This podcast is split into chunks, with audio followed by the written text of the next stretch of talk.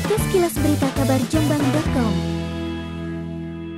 Rabu, tanggal 10 Maret tahun 2021 Sudah dilarang, SMA di Jombang masih jual LKS ke siswa Meski sudah dilarang, praktik jual beli lembar kerja siswa, LKS, masih dilakukan sekolah menengah atas, SMA, di Kabupaten Jombang.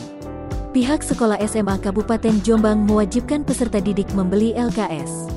Padahal praktik tersebut merupakan pungutan liar, pungli. Menurut Ed, salah satu siswa SMA negeri di Kabupaten Jombang, dia membeli buku LKS ke sekolah Rp200 di semester ganjil. Sedangkan untuk semester genap nanti, pelajar kelas 2 ini bersiap membayar kembali.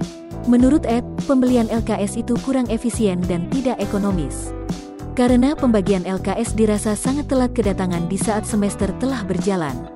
Lebih lanjut, ia menceritakan guru kelasnya lebih memberikan tugas atau materi melalui Google.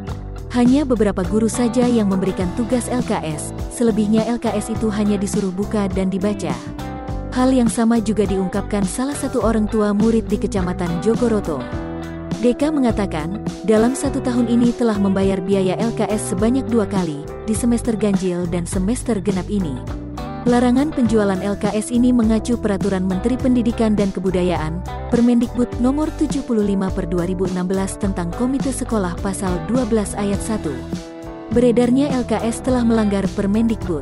Dalam permen tersebut ditegaskan, komite sekolah baik perseorangan maupun kolektif dilarang menjual buku pelajaran, bahan ajar, perlengkapan bahan ajar, pakaian seragam atau bahan pakaian seragam di sekolah.